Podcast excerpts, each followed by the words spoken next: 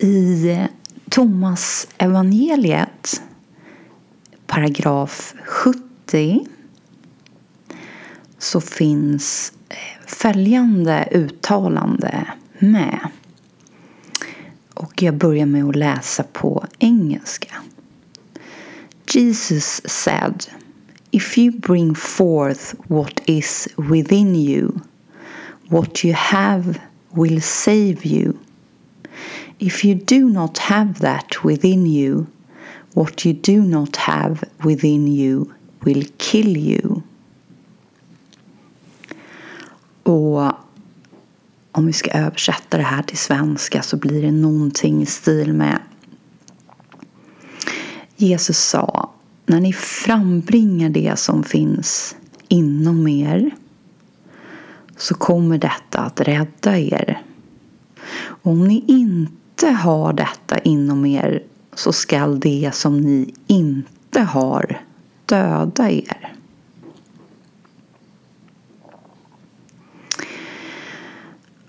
Och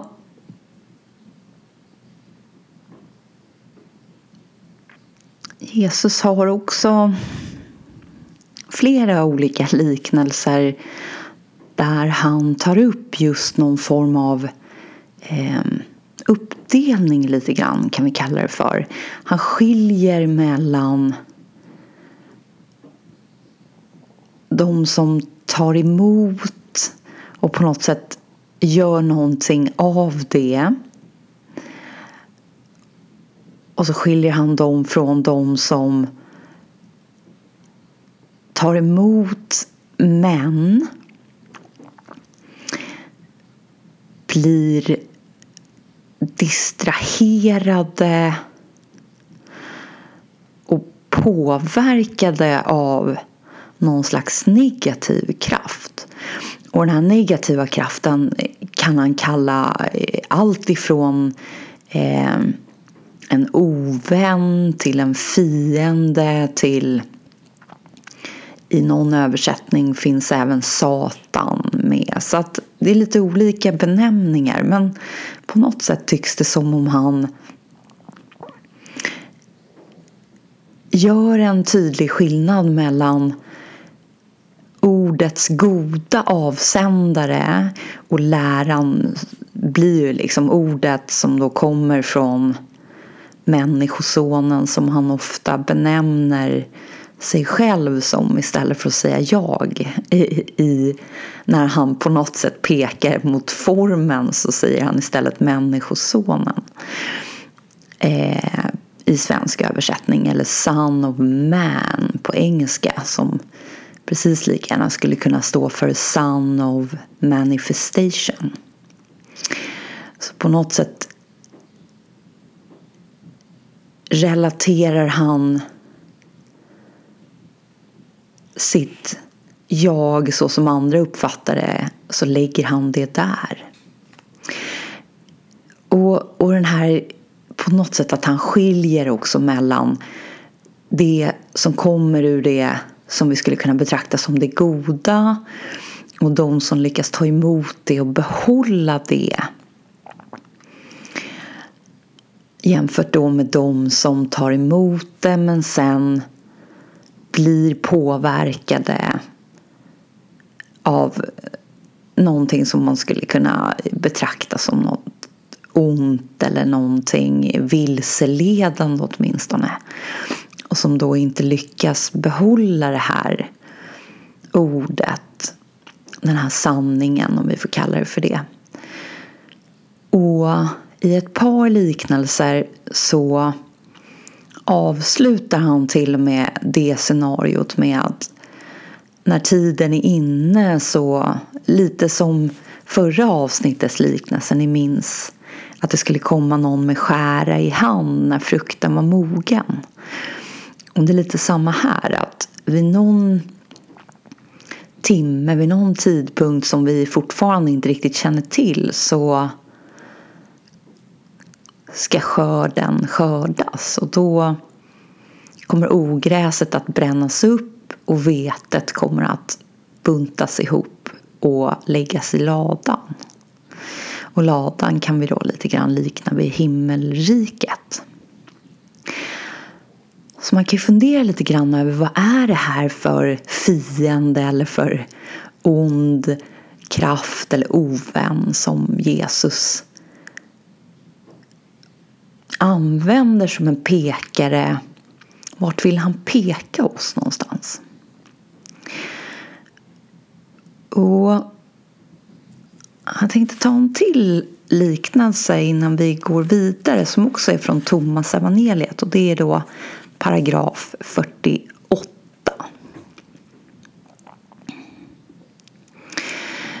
Jag läser på svenska nu. Jesus sade om två sluter fred med varandra i samma hus skall de säga till berget flytta dig och det skall flyttas.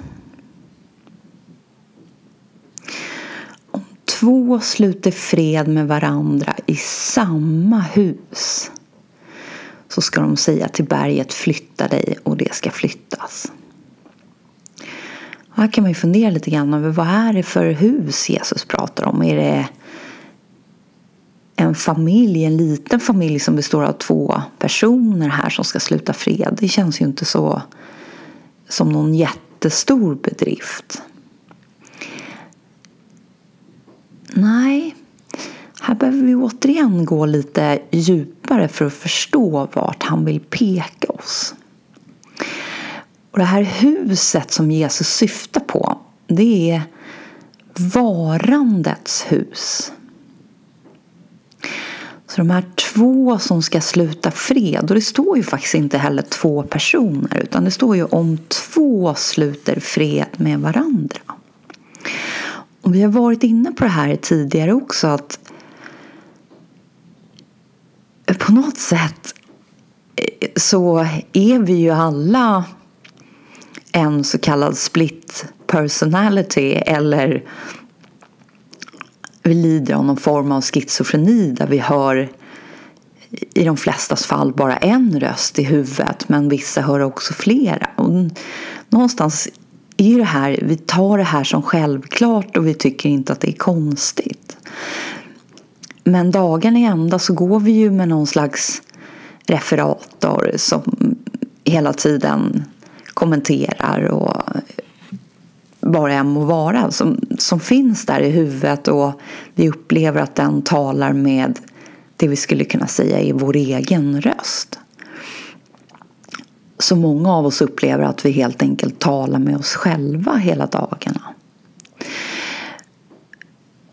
Men så nu när vi har på något sätt lite grann vänt uppmärksamheten hemåt mer till vårt varande så lämnar vi lite mer utrymme mellan det vi upplever att vi själva är och den här rösten som då blir allt mer tydlig faktiskt är tankar som kommer.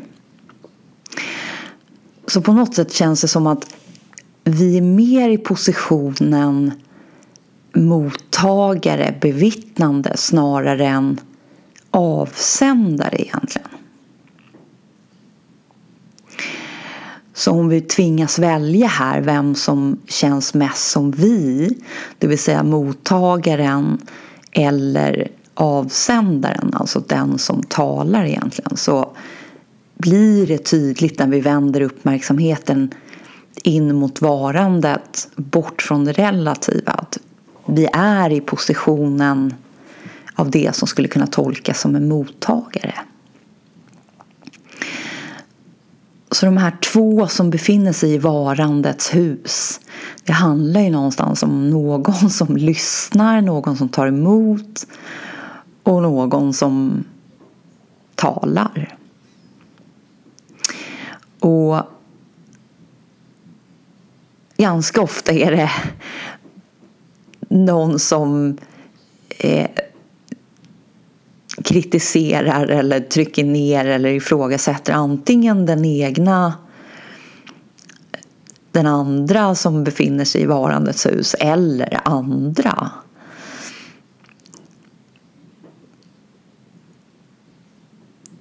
Och ibland kan rösten också självklart vara initialt positiv, peppande. Men det brukar ofta sluta ändå i, i det andra. Och ni minns också lite grann eh, kanske Ramanas liknelse om det här när vi pratade om att det inte går att besegra världen i världen. Och någonstans roten till världen och världens uppkomst är ju att identifiera sig som en enhet någonstans. Så mottagaren till rösten, till tankarna och till känslorna och det som kommer som vi uppfattar som inom oss. När vi på något sätt gör oss till en mottagare av det så blir vi ju tillfälligt en enhet. En psykologisk enhet. Och där någonstans uppstår då de här två olika individerna som bor tillsammans i varandets hus inom varje, vi skulle kunna säga inom varje människa men det här är ju egentligen ett kollektivt fenomen men vi kan tills vidare lägga oss där. Och där säger då Raman att om den ena försöker stå upp lite grann mot den andra. Vi säger att vi, vi börjar ledsna på den här rösten i huvudet som är väldigt negativ och väldigt fördomsfull och väldigt kritiserande. Och vi upplever att den faktiskt orsakar oerhört mycket mer skada än nytta här. Så upplever vi då att vi står upp mot rösten och säger nu, nu har jag fått nog. Jag vill bli av med mind eller vad vi nu ska kalla det för. Jag, I've had enough. Eh, och frågan är ju då, kom, kommer det funka? Och någonstans så liknar han då den typen av konflikt med just en tjuv. Och vi vill på något sätt ta fast tjuven eh, för att bli av med tjuven också. Så den som på något sätt står upp mot rösten blir då någon slags poliskår här som säger men nu, nu har jag fått nog här, nu räcker det. Och då liknar han det vid att tjuven kommer och anmäler sig och säger ja, jag är villig att hjälpa till. Och så klär vi på honom en polisuniform och så skickar vi ut honom för att sätta fast tjuven. Och det kommer ju aldrig att lyckas. Så att någonstans är vårt hemliga vapen och, och det som till slut gör att det här är möjligt. Att två kan faktiskt sluta fred med varandra i samma hus, i varandets hus. Det är att vi backar. Vi backar hemåt. Vilket gör att vi någonstans faktiskt har en möjlighet att lite grann bevittna båda parter. Och inse att vi är inte någon av dem. Varken rösten i huvudet, vilket vi kanske är den första vi, vi genomskådar och inser att det känns inte riktigt som min rätta position. Men även den andra mottagaren är något som vi tillfälligt blåser liv i när vi identifierar oss som en mottagare av rösten som kommer, av tankarna och känslorna som kommer. Så när vi backar hemåt, när vi drar oss tillbaka med vår uppmärksamhet så blir det tydligt att ingen av dem är sann och vi någonstans är den som blåser liv i mottagarsidan. Den är lättast att se, att den uppstår när vi går in och identifierar oss som en enhet som är mottagare av det som kommer. Och skulle vi vila ytterligare ett slag och mer neutralt bevittna tankarna som kommer och går och lite grann också försöka se vart de kommer ifrån. vad är deras ursprung? Så blir det också uppenbart efter ett tag att de uppstår lite grann ur ingentinget. Det finns ingen enhet som avsändare. Och när det inte finns en enhet som mottagare när vi inte vidrör den identifieringen ja, då upplöses de lite grann i ingentinget också. Precis som molnen på himlen som tycks uppenbaras lite grann ur ingentinget. Alla har vi säkert bevittnat en klarblå himmel en vacker sommardag och så efter en liten stund är det helt plötsligt några små vita bomullstussar där och efter ett tag så har det där vuxit lite grann och det tycks nästan lite magiskt hur det där plötsligt bara kan uppenbaras ur den här alldeles klara blåa himlen. Och sen kanske lite senare så är de molnen som både bortblåsta och upplösta. Och istället har de bytts ut av nya. Så någonstans blir det uppenbart i positionen som mer bevittnande, mer hämmat.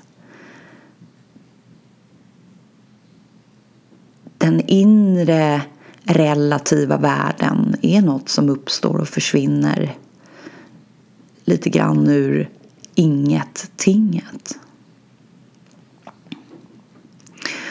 Så det är det Jesus pekar emot här helt enkelt. Om två sluter fred med varandra i samma hus. Och det sker ju någonstans genom att genomskåda de här två så kallade rollkaraktärerna lite grann och se att ingen av dem är riktigt sann som enheter. Utan allt är relativt som uppstår och försvinner och jag har själv skapat sambandet och gjort det till en gjort det till enheter och till en historia. Och då helt plötsligt kan vi säga till berget flytta dig och det ska flyttas. Och här pekar han ju mer mot att ja, men där när vi är mer hemma i sanningen ja, då har vi ju full kraft och full ammunition. Ni minns också han som ville dräpa en stor man. Ja, när han provade sin styrka och sin kraft hemma så visade det sig att den fanns där. Där kunde han segra. Så den här pekaren handlar ju precis om, om samma sak.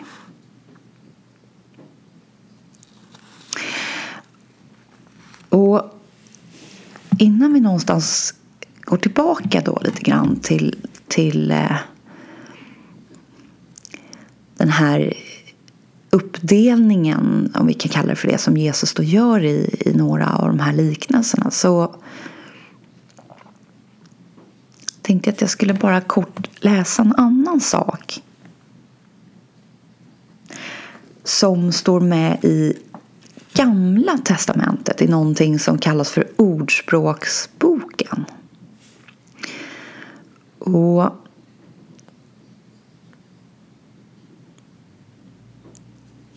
jag läser på engelska. Den är Ordspråksbok, Ordspråksboken kapitel 23.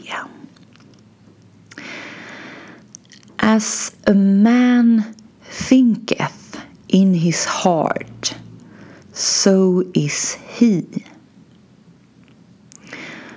Så som en man tänker i hjärtat så är han, eller så är han. Och sedan tänkte jag att vi skulle komplettera det som då stod i Ordspråksboken med ett par uttalanden som Jesus gör i Markus evangeliet. Och det första kommer från kapitel 7 Och jag läser också nu på engelska. Jesus also clarifies this in the following statement. Nothing outside a person can defile them by going into them. Rather, it is what comes out of a person that defiles them. Alltså ingenting utifrån kan egentligen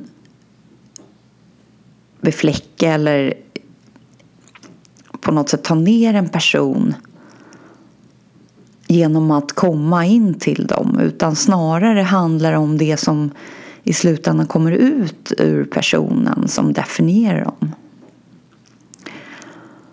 Och så fortsätter han. Don't you see that nothing that enters a person from the outside can defile them? For it doesn't go into their heart but into their stomach and then out of the body. Så till att börja med förtydligar han då genom att säga att Förstår ni då inte att ingenting som kommer in i en människa från utsidan eller utifrån riktigt kan påverka dem eller ändra dem för det är endast det som når deras hjärta och inte magen. Och här syftar han ju då på det man äter. Men sen går han vidare lite grann och säger What comes out of a person it is what defiles them. For it is from within, out of a person's heart that evil thoughts come. Och sen tar han upp då några olika varianter på evil thoughts och det kan vi nog tänka oss själva lite. Det är lite i tiden också vad som anses mest. All these evils comes from within inside and defile a person. Så någonstans gör han tydligt här att det är inte det som kommer utifrån som definierar människan utan det är det som når människans hjärta och som ändar upp i människans hjärta. Det är det som lite grann avgör. Och ni minns kanske också Jakobsbrevet. Som kanske, kanske inte då Jesus bror har skrivit. Men oavsett så i det lilla avsnittet som vi läste så pratade Jakob just om det som kommer ut via tungan, alltså på något sätt via talet. Och där vi lite grann såg att det faktiskt skulle kunna vara något som avslöjar oss. Det vill säga vad, vad vi ändå har tagit in i hjärtat och gjort lite till en sanning för oss. Och både ordspråksboken här As a man thinketh in his heart so is he. Och det är Jesus inne på här att det är inte i första hand det vi äter eller det som passerar oss utan faktiskt det som vi väljer att ta in i våra hjärtan som sanningar eller på något sätt vad vi nu ska kalla det för. Det är, det är där skillnaden görs och det är där också Jesus gör skillnaden.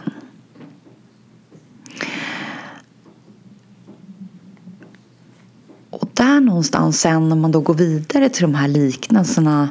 Det finns två varianter bland annat eh, i liknelser om sådd som vi var inne på. Eh, och eh, ni har säkert hört den ena, den är en av de vanligaste och det är också en av de få liknelserna, just de här två liknelserna som Jesus faktiskt förklarar för sina lärjungar. I övrigt så gör han ju egentligen inte det alls. Men just liknelsen med sådden, två olika varianter som finns med, förklarar Jesus för lärjungarna för att de ber honom om det och då gör han det. Men det vi, vi är extra nyfikna på här är ju lite grann den här liksom, uppdelningen som någonstans Jesus ändå pratar om kommer att ske. Och det är ju någonstans tydligt då att den här fienden, den här onde kommer någonstans efter att det här goda ordet eller de här goda orden har tagits emot så kommer fienden och sår ogräs. Och fienden kan ju egentligen inte handla om någonting annat än i slutändan de tankar som når oss. Så det kommer tviveltankar, det kommer tankar som ifrågasätter sanningen och kanske till och med talar rakt emot sanningen. Och de här tankarna efter ett tag så börjar vi identifiera oss som en mottagare av de här tankarna och de får allt större kraft och också indirekt makt över oss. Och till slut så är sanningen lite grann som bortblåst i förhållande till de här tankarna och plötsligt så har de tankarna lite grann fått rota sig som sanningar. Det vill säga de har förflyttats från någonting som passerar oss till någonting som vi har tagit in till våra hjärtan.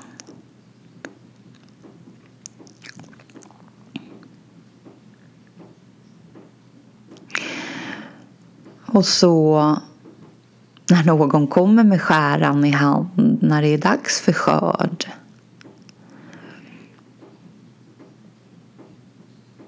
då har ju de här ogrästankarna fått gro och växa och förflyttat sig som sagt från någonting som passerar oss som orosmoln till någonting som bor inom oss som en, en eller flera sanningar eh, i våra hjärtan och då på något sätt är vi inte riktigt längre rotade i sanning.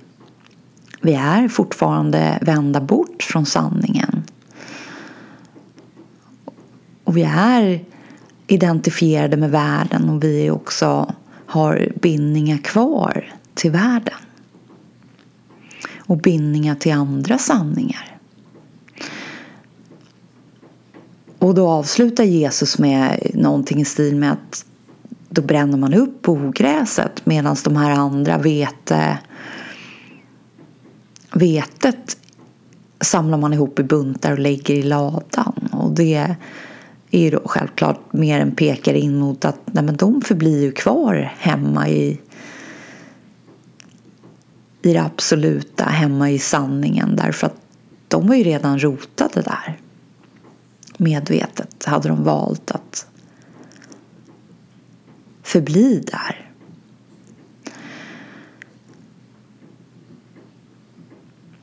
Och som ni vet så det finns ju väldigt många olika teorier och, och eh, berättelser och beskrivningar av vad, vad den här elden handlar om djävular och så vidare. Men och, innan, innan vi går över på det så någonstans det tydliga här och det, det som jag verkligen ändå vill förmedla är ju oavsett vad vi benämner det, det vi skulle vilja säga som ont och som jag i slutändan säger att vi faktiskt också kan se som gott när vi förblir hemma därför att då är det en hjälp. Det är en hjälp för oss att stanna kvar i sanningen, förbli i vår rätta position. Men innan vi riktigt tar rotat oss där eh, så på något sätt så är det ju såklart lite som Ramana säger Mind is a great demon. Alltså tills dess är det ju verkligen någonting som kan återigen föra oss bort från sanningen och vända oss bort från sanningen även om vi har fått ta emot den. Så det är kraftfullt och och förblir vi inte hemma så dras vi snabbt in i lögnen lite grann. Och det är ju det Jesus framförallt vill varna för här väldigt kraftfullt. Och också, vi ska ju komma ihåg att lite orden också dels självklart alltid lever och, och är precis lika kraftfulla pekare för oss som för andra som, som fick ta emot dem från början. Men, men också lite vokabulären och formuleringarna hör ju lite hemma i sin tid också. Om vi nu den här bloody tyrant time som Shakespeare kallar den för. Eh, illusionen tiden. Så precis som Jesus förespråkade att lagen skulle leva med människorna och på något sätt inte förbli en död stentavla så handlar ju det här lika mycket om att vi behöver ju låta de här liknelserna och den här läran leva med oss. Så att vi kan väl lite grann översätta det lite också till, till dagens. Eh, där vi står idag. Eh, så någonstans kommer ju då den alternativa sanningen kommer ju utifrån förstås, det vi kan betrakta som utifrån men också in till oss som våra egna tankar och talandes med det vi uppfattar som vår egen röst. Så det är klart att den alternativa sanningen eller den alternativa vägen känns, känns väldigt nära oss. Och, och, även om vi ska liksom titta på just vad, vad är Satan eller vad är det onda i världen? Oavsett vad vi skulle vilja benämna det som så föds ju alla onda tankar och all ondska egentligen i, i tankar just. Så att onda handlingar och ondska kommer ju någonstans från början i form av en tanke. Och jag skulle vilja eh, ta det lite kort. Hur, hur kan jag säga det så säkert? Ja, en kvinna som var på en av Morsis retreater hon eh, valde att eh, räcka upp handen och hon blev utvald just för att hon ville dela med sig av någonting som hon själv hade upplevt under den här retreaten. Och den här retreaten var på just Morsis egen han har som ett litet, jag vet inte om man ska kalla det för ashram, men, men han har någon, någon slags eh, ställe som ligger i Portugal som man kallar för Monte Sahaja. Och den här retreaten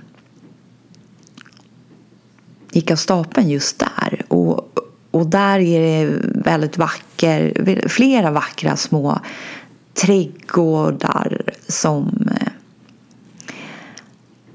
också har små dammar med näckrosor. Ja, det är väldigt vackert. Och hon hade promenerat i en av de här trädgårdarna. Och hon kände verkligen hur hennes uppmärksamhet var rotad i hennes varande. Och det var väldigt stilla och hon var också indirekt medveten om tankar som kom men hon var inte fokuserad på dem överhuvudtaget utan hon var badade i sitt varande och bara njöt av att vara där med sin uppmärksamhet. Och så kom hon fram till en liten damm. Och vid den här dammen så fanns det lite grodor på strandkanten. Och grodorna hade också fått ungar så att grodungarna hoppade runt där. Och så stod hon en liten stund och bara betraktade det där och njöt och tyckte det var så vackert. Och så, och så dyker det plötsligt upp en tanke i huvudet som säger kasta en sten på en av grodorna. Och tack vare att hon var uppmärksam och, och någonstans ändå rotad hemma så, så den här tanken som kom kände hon verkligen den kom inte från mig. Den dök bara upp. jag skulle aldrig kasta en sten på någon av grodorna. Var, varför skulle jag göra det? Så att hon, för henne blev det plötsligt så uppenbart att det där, det där kom inte inifrån Nej, det kom inte från mitt hjärta. Det, det, det var någonting annat. Och, och det är just det där att det,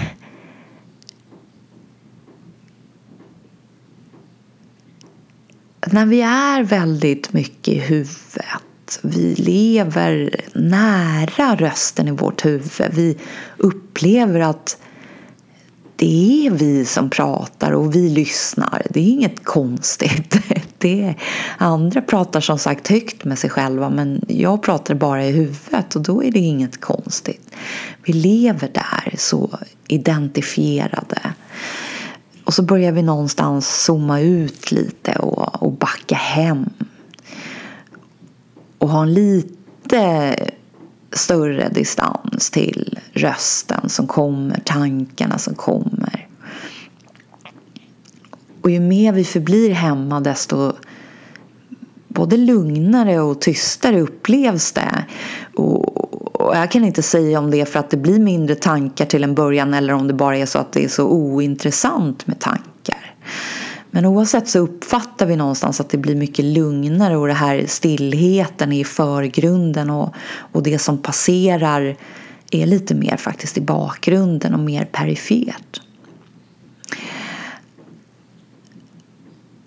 Det blir också mer och mer tydligt någonstans vad av det som kommer som känns lite grann sant och inte.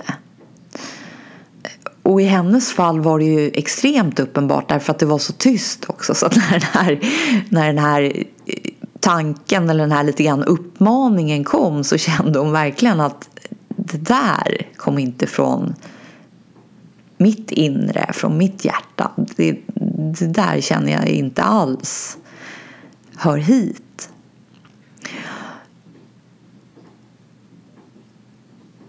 Och här är vi tillbaka lite grann igen i det här med, med sann tro, rotas i sanning. Alltså att ju mer vi själva faktiskt inte bara litar på också vad andra säger utan någonstans verifierar sanningen som ju finns inom oss. Vi har ju full möjlighet att göra det och ju mer vi faktiskt plöjer lite djupare och går inåt och verifierar det här som vi nu har hört flera peka oss in mot så rotas det ju inom oss. Vi täcker av sanningen som är lite dammig och rostig och vi behöver täcka av den där och polera upp den lite. Och det finns ytterligare faktiskt en liknelse just om det här med att polera. Att Maharaj kallar just I am for the polishing cloth till spegeln som någonstans visar vårt sanna jag eller vår sanna spegelbild. Och just I am-varandet fungerar som en polerduk.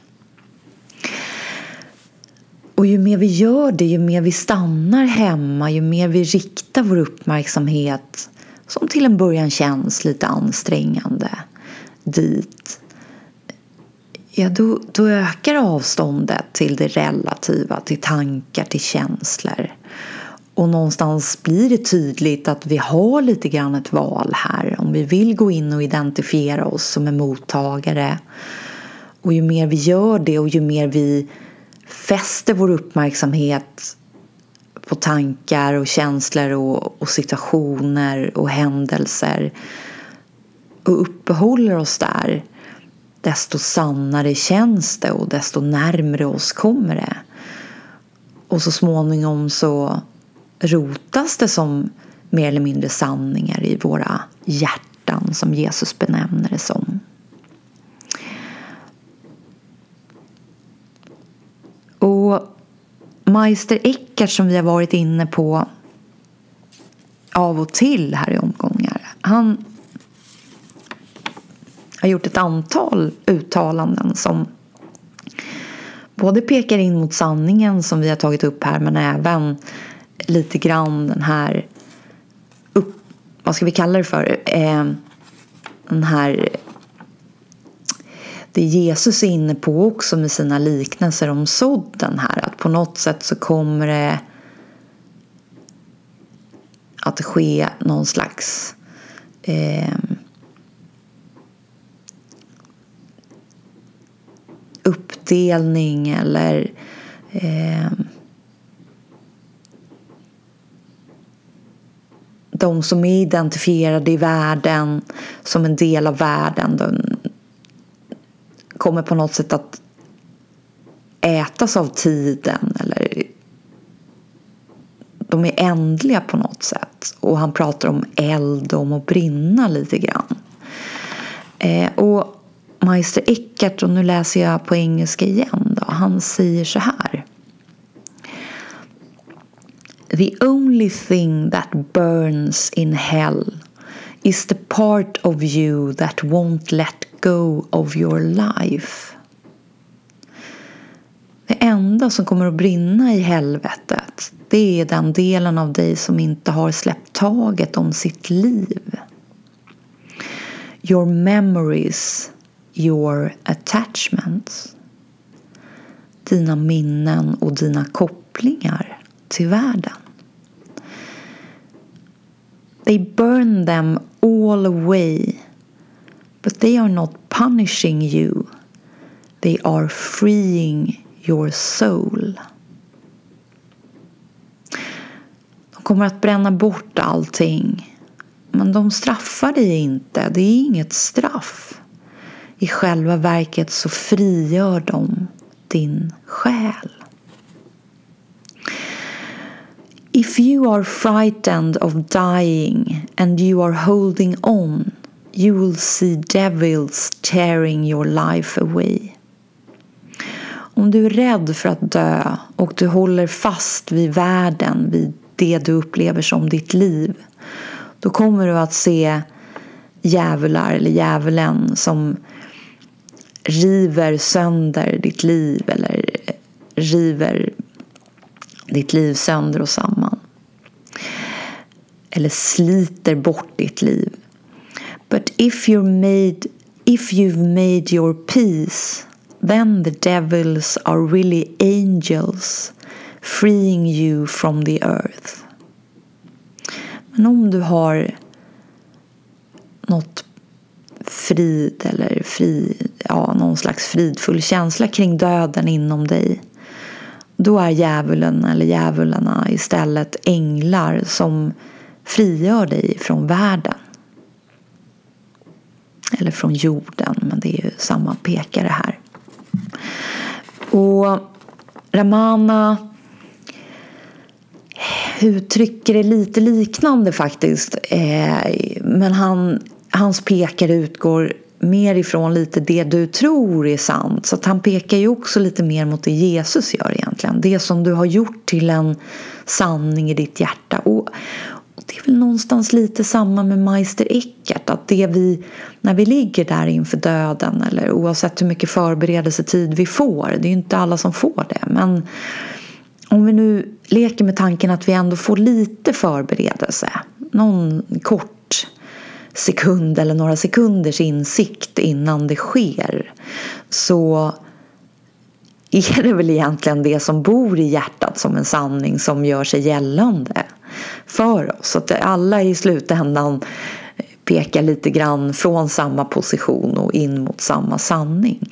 Men Ramana säger också att det som du har gjort som en sanning, alltså tror du på helvetet, ja då kanske du, eller då kommer du uppleva att du hamnar där en stund. Men om du däremot har en annan sanning som föreställning som mer handlar om kanske någon slags himmel och änglar och vad det nu kan vara. Ja, då, då kommer du uppleva att du kommer dit en stund. Men som ni förstår här och även det Meister Eckart säger och även det Jesus indirekt säger med vetet är att det kommer hamna i ladan. Så beroende på vad tolkningen av himmelriket är eller vad vi har för slutgiltig tolkning alternativt faktiskt verifiera sanningen redan nu. Det, det är väl någonstans där som vi ser målet vara. Men även Meister Eckert gör ju tydligt att det finns någonting annat där sen. Det som sker i elden, det som bränns i elden, ja det är ju kopplingarna till världen och till det vi har upplevt oss vara, vårt minne, vår person indirekt. Men han lämnar ju lite grann öppet vad som kommer därefter. Och det gör han ju även om änglarna kommer. Han talar mer om att de kommer för att befria oss ifrån världen. Men, men vad som kommer efter det, det, det lämnar alla lite outtalat här.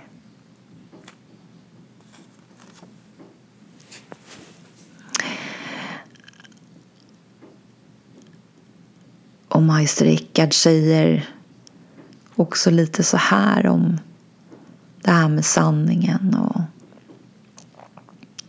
vår möjlighet att bli medvetna om sanningen innan den här uppdelningen kommer.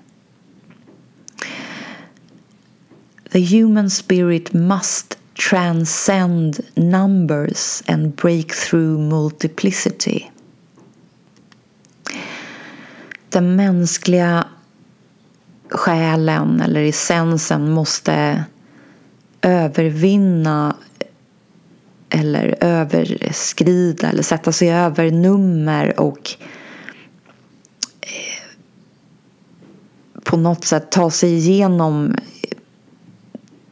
multiplicity, alltså differentiering eller det här att det är många. Så vi måste på något sätt komma förbi det perspektivet, bryta oss loss ifrån det perspektivet. And God will break through them. Och då kommer Gud att på något sätt också bryta sig igenom och nå fram till dem, till de här. And just as that breaks through into me So I break through into that.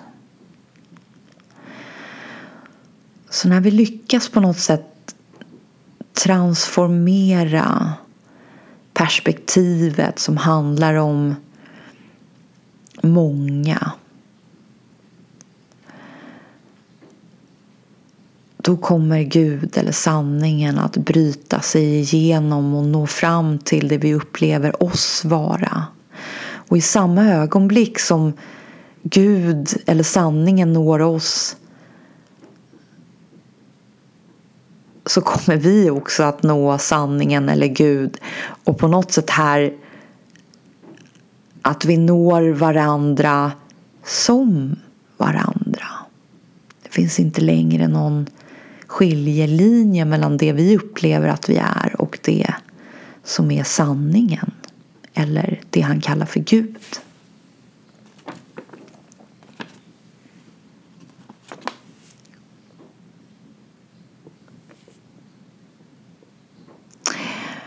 Och sen ett kraftfullt uttalande. For the person who has learned to let go and let be Nothing can ever get in the way again. För den som har lärt sig att låta allting vara.